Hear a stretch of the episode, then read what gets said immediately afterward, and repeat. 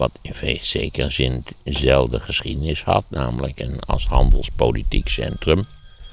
Hemelse goedheid. Telefoon. Ja, die moet ik even uitzetten. Sorry. Ja, tenzij het Weer heel... vergeten. Dat kwam dat ik uit die garage kwam. Misschien is je pedicure. nee, die is het vast niet. Sorry. Het verlossen, kunt u mij horen? Even wat administratie bijwerken zo na de kerst. Eh, de vorige keer kondigden wij al aan een aflevering over de Gouden Eeuw. Eh, dat werd toen een aflevering over de IJzeren Eeuw en alle uitvindingen. Die kun je ook terugluisteren in je podcast-app en in de show notes. Ehm, maar daar kregen, we heel veel reacties op van mensen die zeiden van... ja, maar die Gouden Eeuw die is ook heel interessant. Eh, doe daar ook eens wat aan. Dus ik stel voor dat we dat nu in deze aflevering gaan doen. Maar het verschil tussen 1825 en 1925 is zo'n groot verschil is er nog nooit geweest in een eeuw. Er is een totaal nieuw soort van wereld gecreëerd. En nu ga ik dan maar kort even de Gouden Eeuw doen. Waar niks tegen is, want dan kunnen we nog even zeggen dat die kletskoek dat het dan niet meer de Gouden Eeuw mag worden genoemd. Oh ja. Vanwege de zwarte bladzijden in de loop van de Gouden Eeuw. Dus we doen meteen even de slavernij erbij. Want ja, heeft de Republiek, de Nederlandse Republiek, geprofiteerd van de slavernij zonder meer. De Republiek is verantwoordelijk voor, als ik het cijfermatig goed doe, 5% van de Atlantische slavenhandel. En wat mij frappeerde, als je het even naar kijkt, is dat natuurlijk eh, nu excuses zijn aangeboden voor de slavenhandel en, en de slavernij, in, met name in, in Zuid-Amerika natuurlijk. Eh, ook Nederland was betrokken bij het transport van slaven eh, naar, eh, van Afrika, van de westkust van Afrika naar eh, Latijns-Amerika. En deels misschien de Verenigde Staten. Alhoewel zowel Frankrijk als Engeland dat op veel grotere schaal hebben gedaan. Wij zouden in, het, in de totale periode zeg eh, ruim een half miljoen slaven hebben getransporteerd van Afrika naar Amerika, naar Zuid-Amerika in het bijzonder. Eh, Maar als je kijkt naar de Oost, daar was ook slavernij eh, op aanzienlijke schaal en, en in zekere zin zeker even omvangrijk, zo niet wat omvangrijker dan die slavernij waarvoor nu de excuses zijn aangeboden. Bij die excuses was al eigenaardig dat die Indianen compleet vergeten waren, wat natuurlijk ook, ja, daar zie je weer dat dit, dat dit heel selectief is allemaal. Ook die excuses zijn selectief. Want waarom zijn er dan geen eh, excuses gemaakt voor wat in de Oost is gebeurd? Denk aan, aan Jan Pieterszoon Koen. Die eh, in feite de, praktisch de hele bevolking van de Banda-eilanden heeft uitgemoord om daar een, eh, een, een, een monopolie te vestigen, specerijenmonopolie te vestigen voor de VOC. Rutte noemde het wel in zijn toespraak volgens mij de Oostkort. Ja, maar goed, daar moet dan ook eh, de excuses voor worden aangeboden. Laat ik overigens nog eens een keer duidelijk maken dat ik, dat ik vind dat er geen excuses moeten worden aangeboden, is een zeer principiële kwestie. Dat heeft niks te maken met gebrek aan empathie of met dat ik vaak in kleine kring zeg, die slavernij, dat is een topuitvinding. Dan zouden we gewoon weer eens weer moeten beginnen, dat, dat, eh, dat draaide als een tierenlier. Nee, natuurlijk, dat is niet zo. Maar het is aan de historicus om uit te zoeken hoe zoiets tot stand is gekomen. Waarom het zo lang geduurd heeft, waarom er een eind aan gemaakt is. Hoe het feitelijk sociaal-economisch in elkaar zat. Wat de culturele componenten zijn van dit op zichzelf zeer omvangrijke probleem. Slavernij is ook niet iets wat alleen maar betreft datgene waar nu excuses voor gemaakt zijn. In de hele oudheid was slavernij een betrekkelijk normale zaak. Dus ja, dat, dat, dat is wat de taak van de historicus is. Het is niet de taak van de historicus om voortdurend excuses aan te bieden voor de ellende die in het verleden bedreven is. Nogmaals, ik blijf principieel bij het punt. Je excuseert je niet voor dingen waar je niets mee te maken hebt gehad. Waar je ook absoluut geen gevoel van verantwoordelijkheid voor hebt. Maar Rutte zei daar toch iets anders in zijn toespraak. Hè? Die zei, ik dacht er eerst ook zo over, maar later hebben mensen mij geweest. Jij bent de, de opvolger van de mensen die ooit daar wel verantwoordelijk voor waren. Ja, dat kan hij nou wel zeggen, dat kan hij wel vinden. Maar hij had in eerste instantie had hij gelijk. En in tweede instantie, ja, kijk eens, Rutte is een politicus. Dus er werd hier veel over gezegd en geschreven. En het was een voortdurend aanwezig het etterend wondje van moet dat nou niet gebeuren en het is schandelijk dat het niet gebeurt en enzovoort enzovoort. En tenslotte dachten ze, nou ja, oké, we bieden excuses aan, dan zijn we af van wat gedonder af. Wordt ook wel eens gedacht, D66 heeft hier invloed op gehad. Eh, Kaag. Slaapt hij, slaapt hij nu minder omdat hij zich verantwoordelijk voelt over wat zijn, zijn, zijn voorgangers hebben bedreven? Nee, natuurlijk. Hij was toch wel geëmotioneerd na die toespraak, had ik het idee. Nou, dat vind ik knap. Heb je het, niet, heb je het gezien, een stukje ervan, hoe hij het heeft gedaan? Oké. Nou, Ik, ik heb had, de, ik heb de tekst gezien in de krant. hoe vond je die? Ja, wat moet je van zo'n tekst maken? Hij heeft een hele behoorlijke tekstschrijver in ieder geval. Hm. Oké, dus je was daar wel van onder de indruk. Nee, Oh, dat niet. nee, dat is noodzakelijk geworden. Ja. Als je maar lang genoeg zuurt en hoert, dan wordt zoiets noodzakelijk. Ja. Nou, hij was voor de Kamer van de NOS met een korte reactie toch geëmotioneerd, omdat hij ook geraakt was door de reacties van de mensen in de zaal. Die zeiden van, Nou, dit is fijn. Ik, historisch. ik, wil- ik feliciteer graag iedereen eh, die excuses maakt voor van alles en nog wat. Maar ik heb, ben er niet van onder de indruk. Nee. Nogmaals, het is niet de taak van de historicus om excuses te maken voor datgene wat in het verleden gebeurd is. Nee.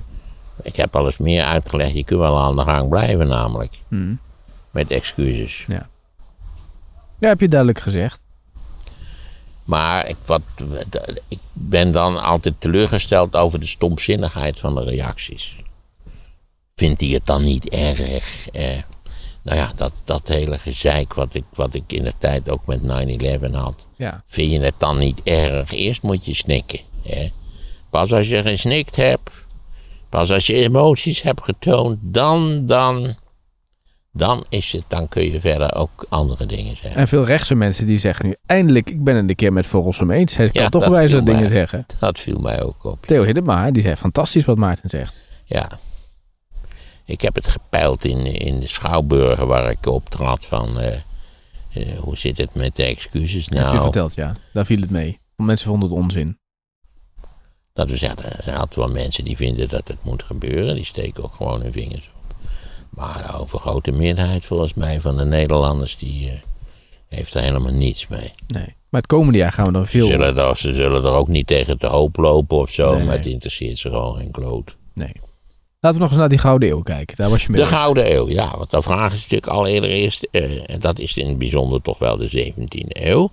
Maar dan moeten we natuurlijk eerst even moeten we het, eh, de grenzen aangeven. Begint de Gouden Eeuw precies in, in 1700.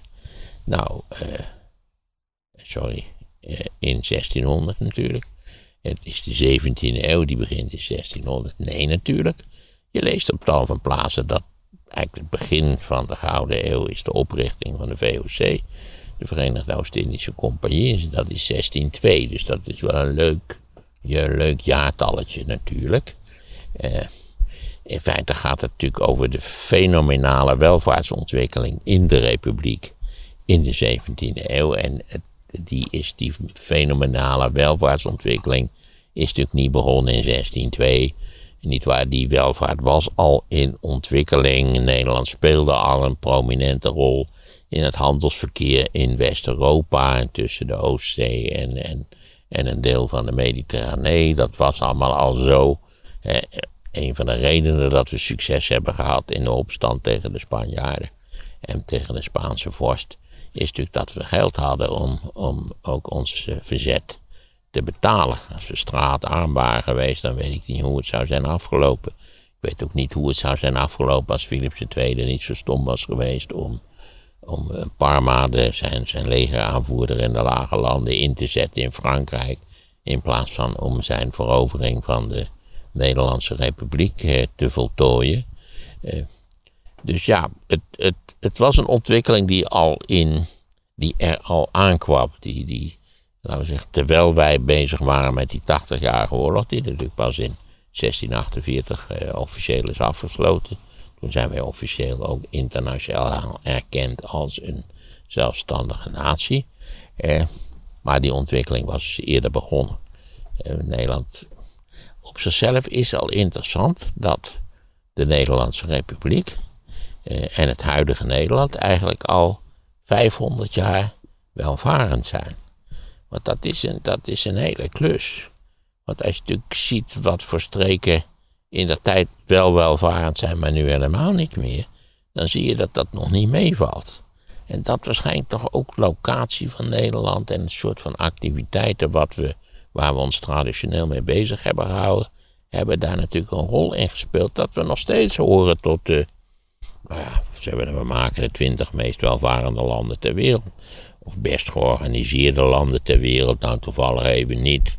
Niet waar, eh, in die drama's die Rutte veroorzaakt heeft als minister-president. Maar goed, dat is klein, dat is klein bier vergeleken met, met, laten we zeggen, de wereldhistorische ontwikkelingen. Dan hebben wij het eigenlijk helemaal niet zo slecht gedaan. Dus oké, het begint voor 1602. Eh, en dan is de vraag wanneer houdt de Gouden Eeuw ja. op? Jongen, jongen, er worden allemaal dozen voorbij gedragen. Waarbij je is een doos daarop staat mooi.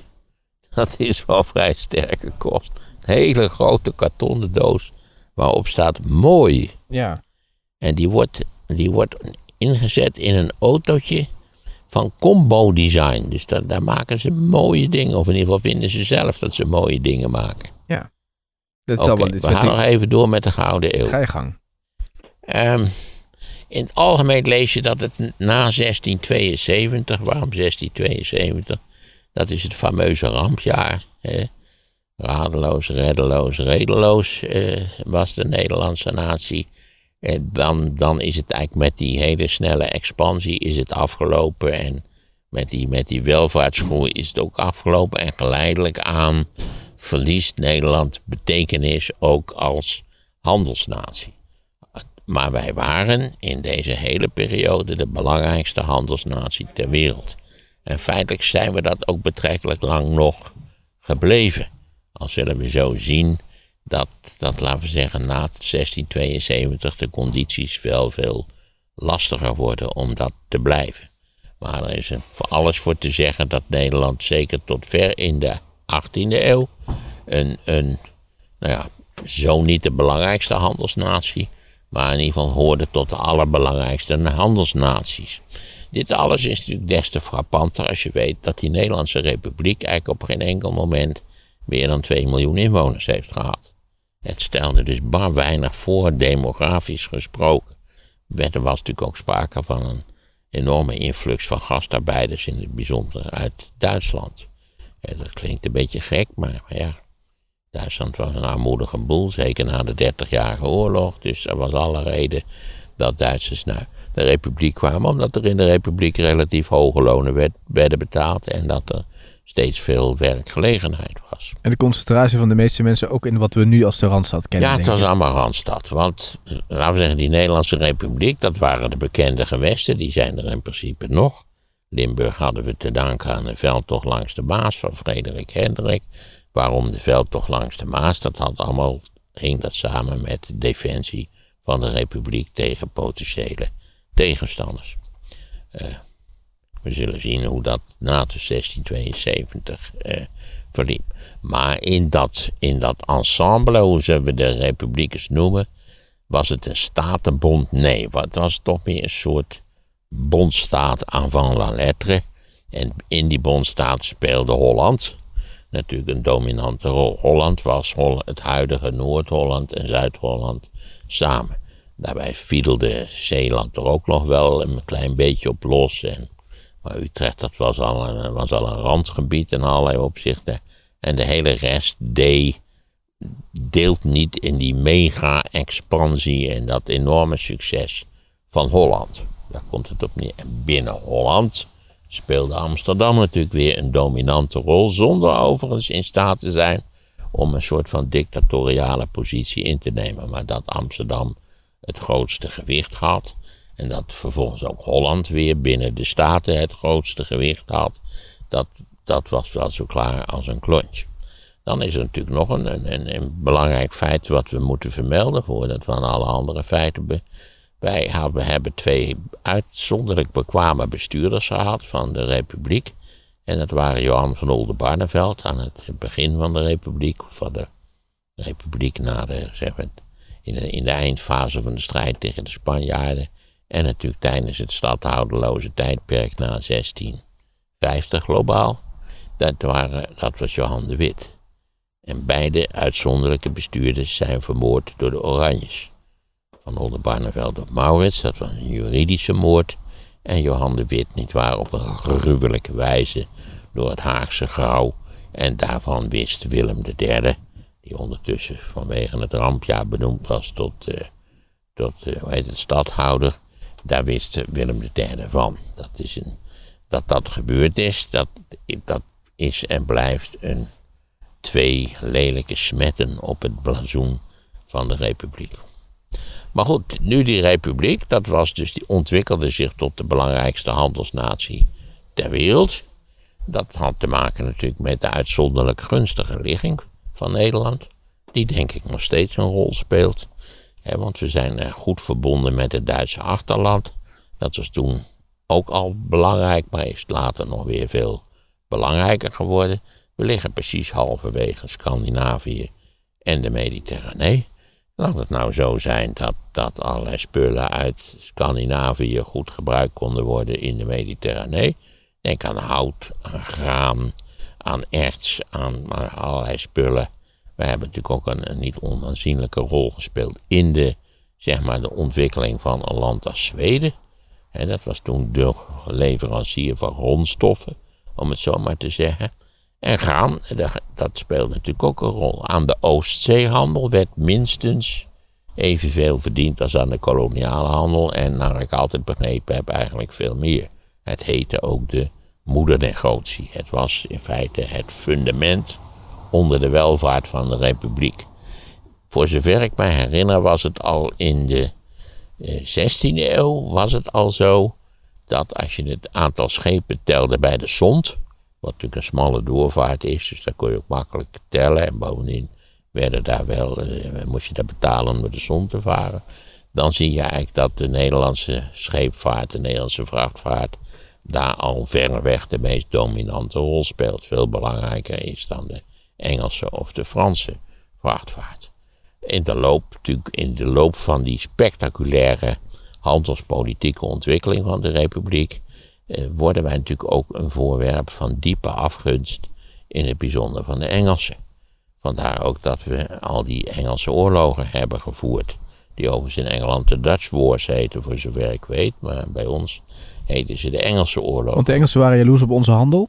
Ja, en hebben ook steeds geprobeerd om maatregelen te nemen om die handel in ieder geval te verminderen of te torpederen. Of, nou ja. Maar zij lagen natuurlijk minder gunstig voor veel uh, partijen. Ja, in zekere zin was dat wel wat minder gunstig. Ik begreep toch dat, dat Nederland tot, tot een heel eind in de 18e eeuw een, een dominante handelspolitieke rol speelde.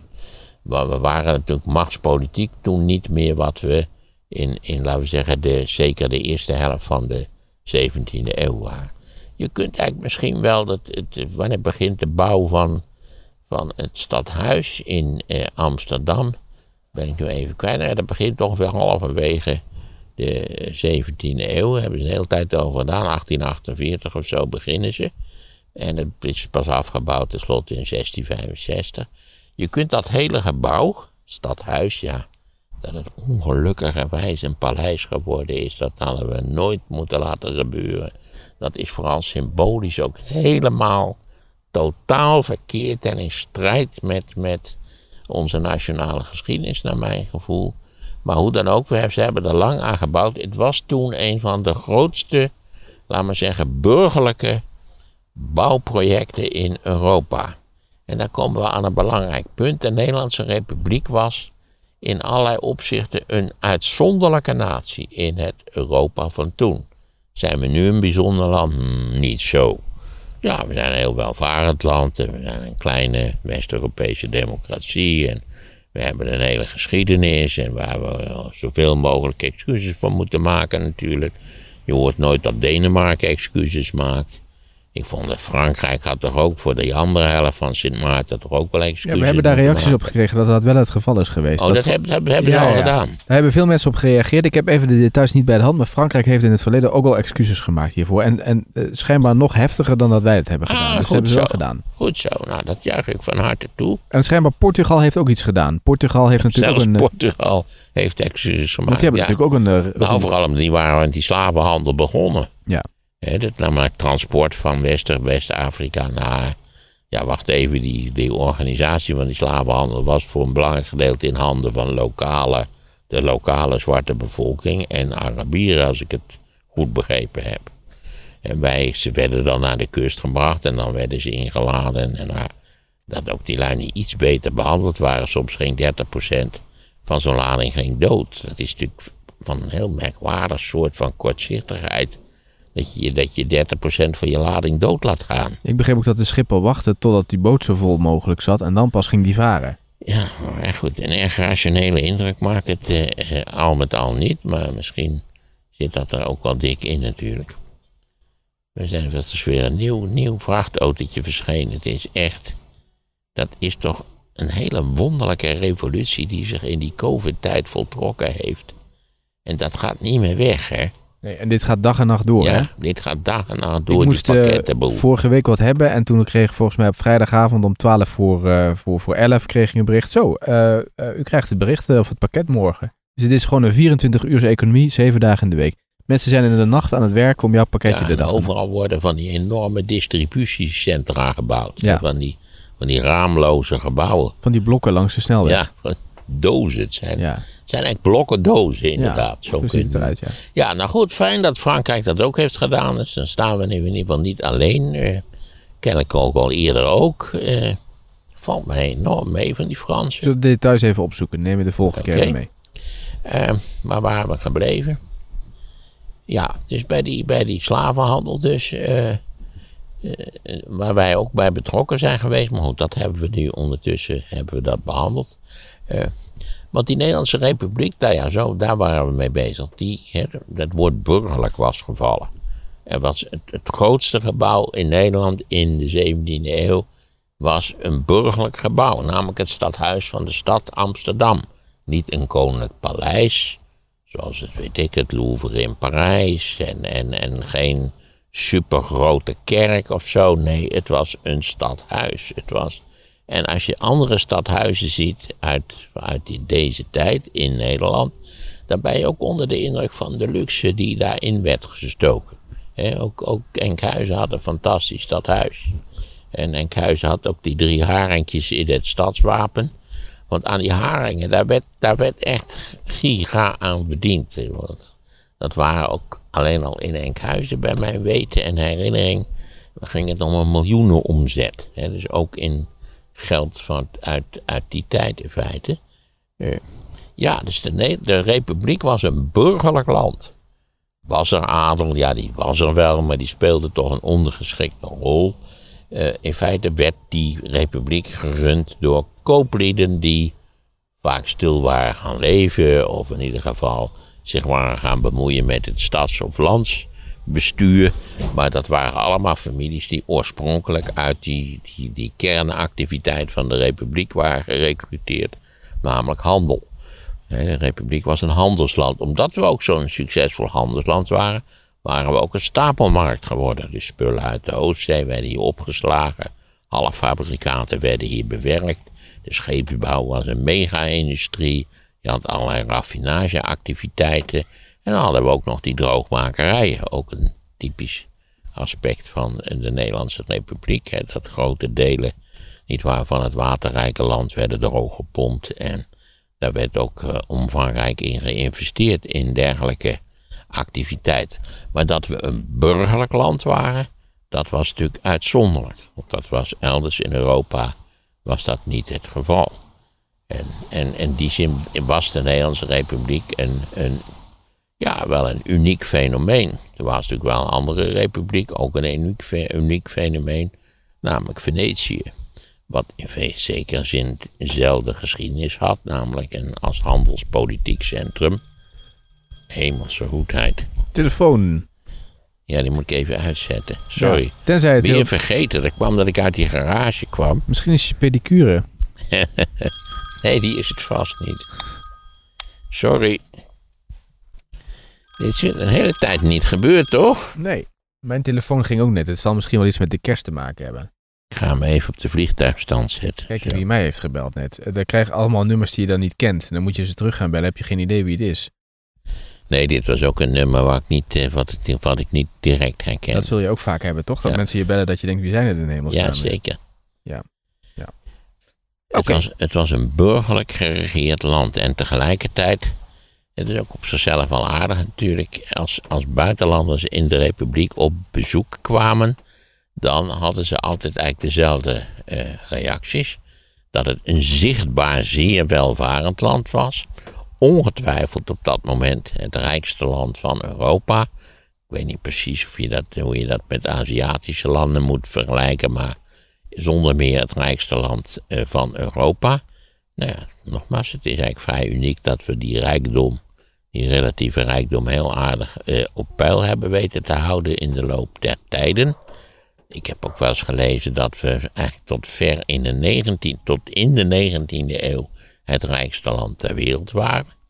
Dat had overigens wel deels te maken met, laten we zeggen, de financiële structuur die in de Nederlandse Republiek ook die, die enorme handelsontwikkeling faciliteerde. Want wij zijn natuurlijk begonnen met een beurs en met een soort valutamarkt, een wisselmarkt in Amsterdam. Eh, en als je in Europa geld wilde lenen tegen redelijke voorwaarden en een redelijk rentepercentage, dan deed je dat in de Nederlandse Republiek. Dus ook in, dien, in, die, in dat opzicht waren wij de eerste, de, de meest aanvankelijk ook de meest succesvolle. Heb ik nooit geweten dat wij daar de eerste in waren. Ja. Nou ja, de, de VOC is, is heel lang eh, de meest succesvolle onderneming eh, ter wereld geweest, zakelijke onderneming. Al hadden die wel volgens mij meer soldaten in dienst om, om te zorgen dat, dat het eh, gehandeld kon worden, dan dat ze kooplieden in dienst hadden. Nou, en tenslotte is de VOC in de Franse tijd is de VOC gesneuveld. Nou, nu hebben we in ieder geval een aantal wezenlijke dingen hebben we gehad voor de Republiek. Maar wat natuurlijk uitzonderlijk is in de Republiek is de bloei van allerlei andere maatschappelijke activiteiten. Omdat het de Republiek zo schatrijk was, konden bijvoorbeeld ook de kunsten tot bloei komen. Want ook de gegoede burgerij kon een schilderij kopen. Met als gevolg dat wij een gigantische hoeveelheid zeer gevarieerde kunst hebben geproduceerd in de 17e eeuw. Ik denk dat dit toch wel, misschien ook, je kunt het vergelijken met de Italiaanse steden in, in hun bloeiperiode. Maar eh, wat de Nederlandse schilderkunst heeft opgeleverd in de 17e eeuw, in de Gouden Eeuw wat mij betreft, dat is toch wel uitzonderlijk. Maar het is niet alleen kunst, het is ook wetenschap. Want ook de Leidse Universiteit hoorde tot de beste universiteiten in Europa. Het tal van mensen trokken naar Nederland om daar deel te nemen aan het intellectuele debat. Denk aan iemand als René Descartes, die een hele tijd, kleine twintig jaar in Nederland heeft gewoond. En, en dat hang, hing weer samen met het feit dat, en dan komen we aan een heel lastig te definiëren punt, namelijk de tolerantie. Eh, Nederland was vergeleken met andere landen een tolerant land. Wat er bijvoorbeeld toe leidde dat ook de Nederlandse eh, uitgeverijen, die waren toonaangevend in Europa. Want als je overal eh, verbodsbepalingen had getroffen voor de publicatie van je prachtboek, dan kon je het meestal in Nederland wel laten uitgeven en laten drukken. Dus we hadden ook op dat punt speelden wij een heel belangrijke rol. Tegelijkertijd wij waren tolerant en niet tolerant tegelijkertijd. Dus ik zou maar zeggen, dominant was natuurlijk de gereformeerde kerk. Jammer genoeg, in de, in de religieuze strijd hadden de orthodoxen gewonnen. Dat is ook altijd een ramp, hè, die orthodox, omdat de orthodoxen fanatiek zijn. En altijd, dat had je ook met studentenpolitiek in de jaren zestig. De scherpslijpers, de fana- fanatici, die bleven, waren altijd bereid om eindeloos te blijven zitten.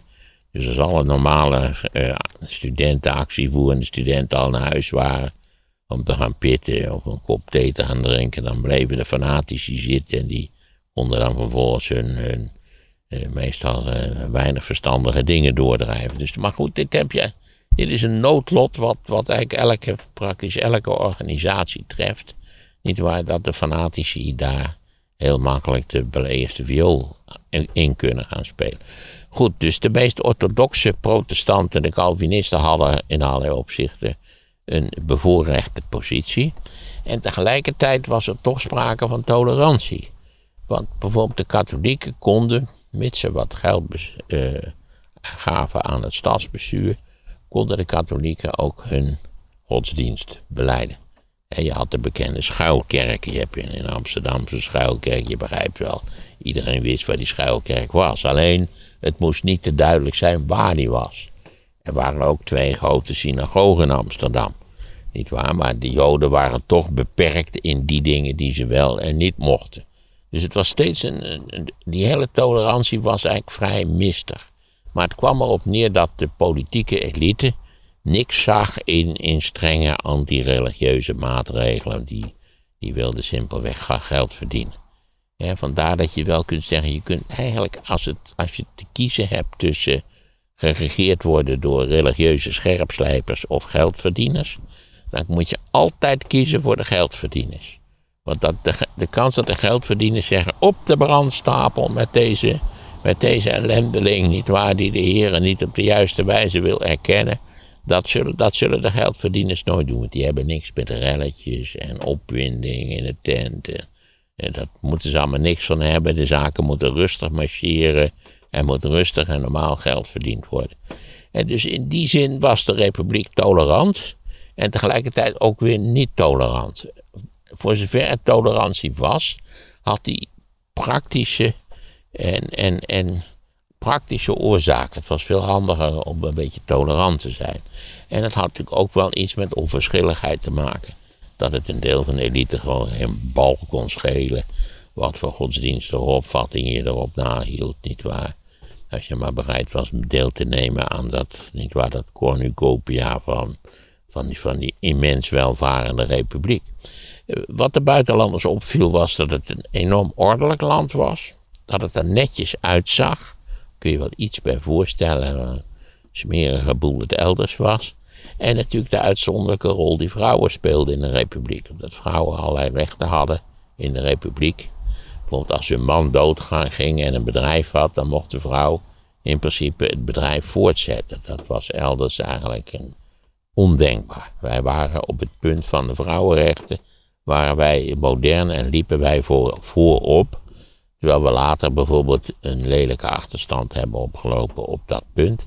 Dan zie je aan elkaar hoe historische uh, hoe moet je dat zeggen, uh, gegevenheden daar ook een, een, belangrijke rol in speelden. Uh, dus ja, ook hier geldt dat de republiek een uitzonderlijk modern land was, met moderne normen en waarden. dat zijn we niet altijd gebleven. We hebben ook wel, wel wat mindere tijden gehad op dit punt natuurlijk. En dat, dat Henk had meestal toch religieuze achtergronden. Ja, ik ben geen vriend van de godsdienst. Het is niet anders. Dat we zeggen, iedereen gun ik zijn eigen godsdienst. Iedereen gun ik dat hij direct in de hemel komt. Of denkt dat, hij dat, dat hem dat zal overkomen. Maar God allemachtig. Wat een ellende richten godsdiensten toch altijd ten eeuwig aan. Hè?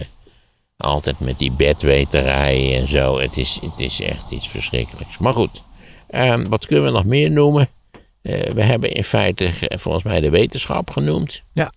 Eh, die die uh, uitzonderlijk ontwikkeld was in de Republiek. we hebben volgens mij alles eerder over Christian Huygens gesproken.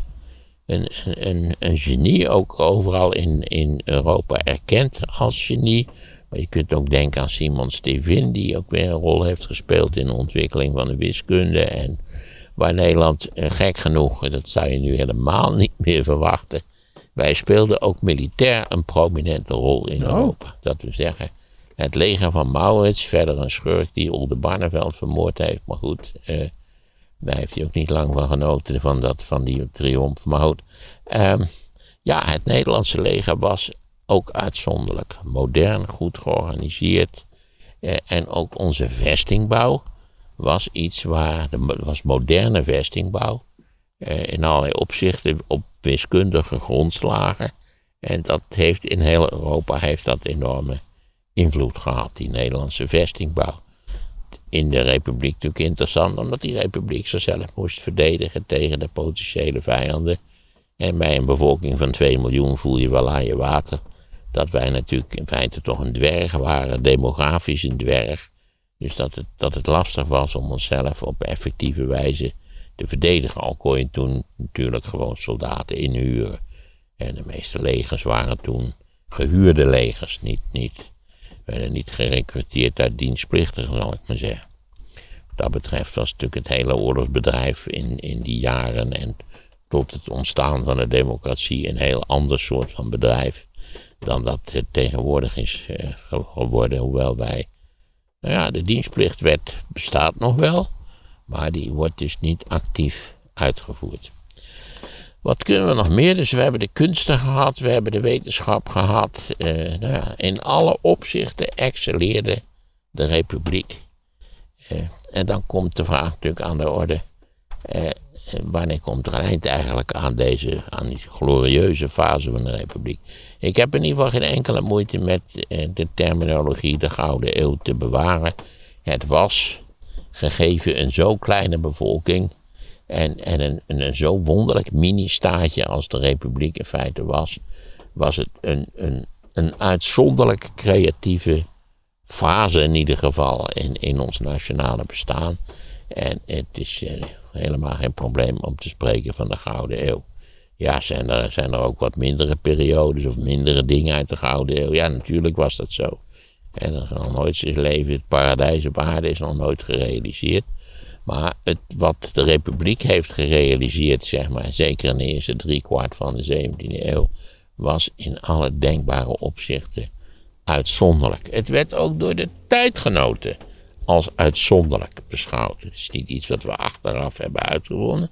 Het werd door de tijdgenoten als, als, uitzonderlijk bepaald.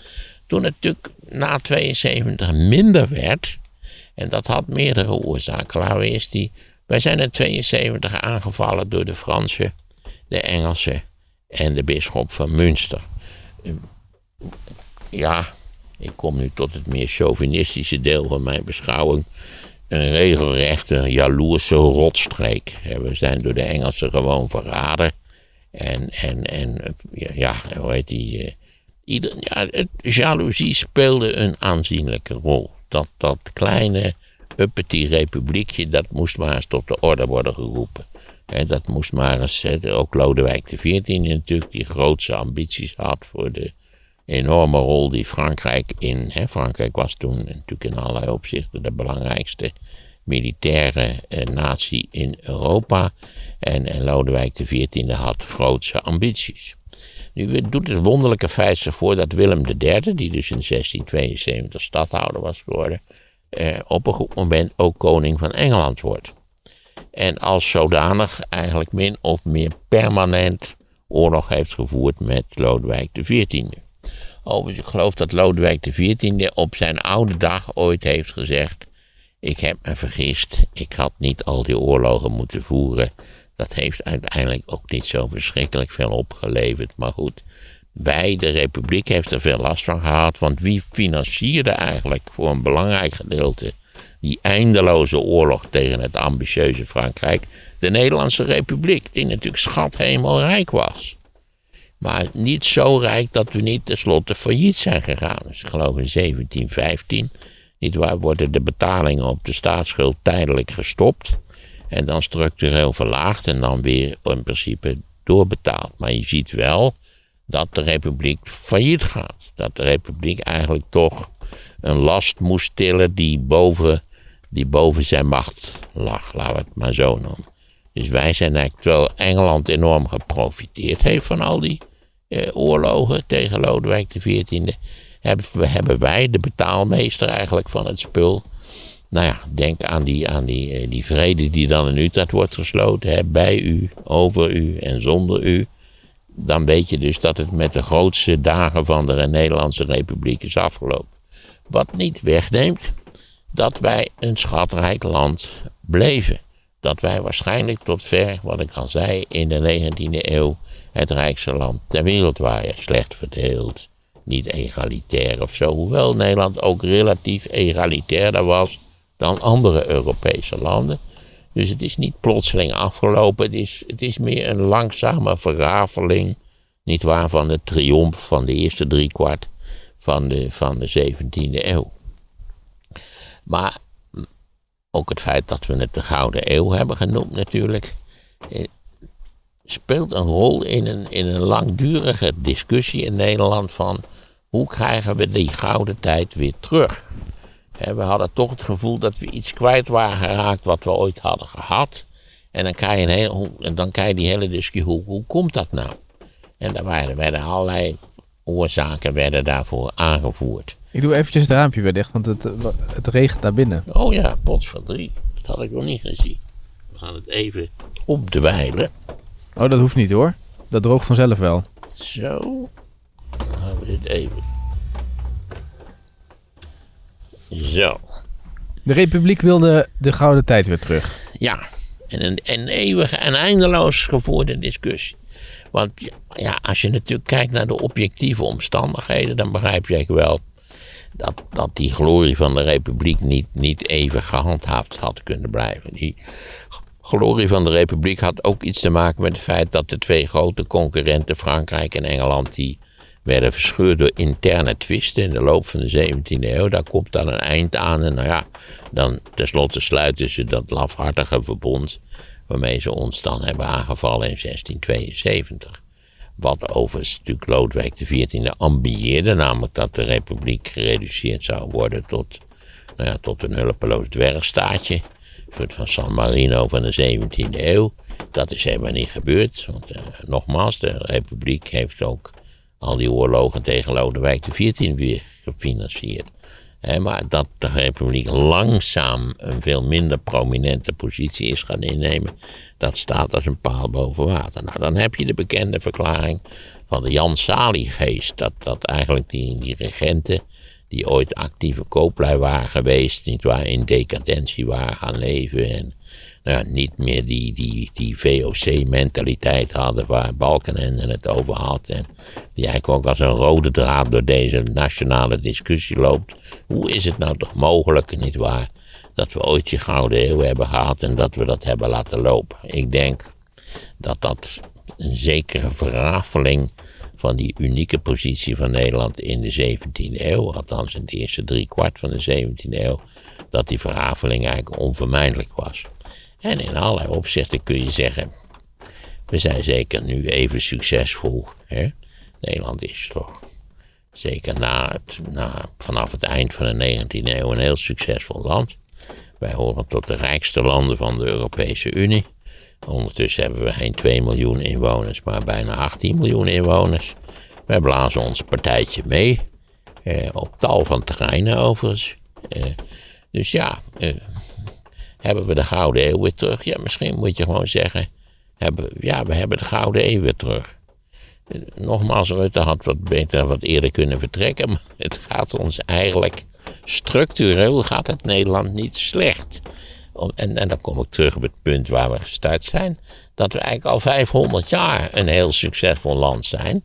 En dat het lastig is om zo lang zo succesvol te zijn. Hè?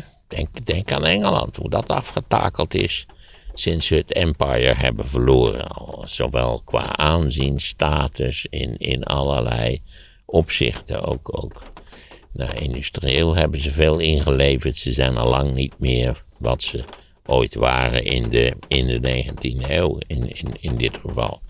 Eh, dus ja, dat is het verhaal van de, van de Nederlandse Republiek in de 17e eeuw. En dat die nagloei, die heeft eigenlijk nog langer geduurd dan vaak gesuggereerd wordt, naar mijn idee. Ook in de 18e eeuw waren we relatief een zeer succesvol land. Het sentiment is wel vaak, eh, want je zegt eigenlijk het gaat hartstikke goed, waarom zeuren zoveel? Maar het sentiment in Nederland is toch wel anders. Ik heb niet het idee dat we onszelf op de borst kloppen van kijk eens wat een geweldig land we zijn. Nou ja, Rutte is altijd bezig met van... Rutte wel, ja, maar als je de straten inloopt heb ik niet idee dat mensen dat, dat beeld hebben. Ja, ik denk dat dat deels ook sentimenten zijn die, die van tijdelijke aard zijn. Oké. We hebben toch wel, we hadden toch een hele tijd dat iedereen beweerde Nederland was af. Nederland was klaar, we waren zo fantastisch georganiseerd dat er kon niks meer aan verbeterd worden eigenlijk. We waren ook een gidsland. Wanneer was dat? Eind jaren 60, begin jaren 70. Waren wij een gidsland. Dat zijn we naar mijn idee niet meer. Maar we zijn nog steeds relatief succesvol. Dus we hebben nu na het verhaal over de ijzeren eeuw, hebben we ook het verhaal over de gouden eeuw. Ja, dat is wel een beetje een korte samenvatting van de geschiedenis van de Gouden Eeuw, laten we dat erbij zeggen. Maar natuurlijk, eh, nou ja, Amsterdam is in allerlei opzichten nog. eh, daar staat de Gouden Eeuw nog voor een belangrijk gedeelte staat overeind. Ja. En, Ja. eh, Ga, maak een, en breng een bezoek aan, eh, hoe heet het, aan het Paleis op de Dam. Hè, daar heb je op die, in die bovenzaal, ik geloof dat die de Burgerzaal heet, heb je, daar ligt zo'n kaart van de hele wereld in de vloer verwerkt.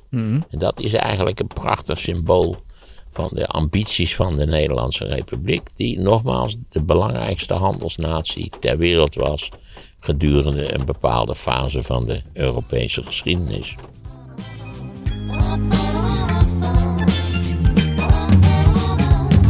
Ah, goed zo. Dat juich ik van harte toe. En toen zei die man, ze denken dat u een pastoor bent. Luister tijdens de kerstvakantie de live podcast terug. Zegt Gorbachev, ik vind het schandelijk. Over Amerika na de Koude Oorlog. Ah, dat is een leuke vraag. En heel veel andere zaken. Jij bent verantwoordelijk voor al die klote troep. De link staat in de show notes. En als je toch aan het luisteren bent, 2022 was het jaar van de Matthijs van Nieuwkerkrel. Bij veel bedrijven en organisaties spelen achter de schermen soortgelijke taferelen. En ik sprak daarover in C-Level met Barry van Ruiven, de oudbaas van Mediamarkt. Het gesprek dat ik met hem had, hoor je via de link in de show notes.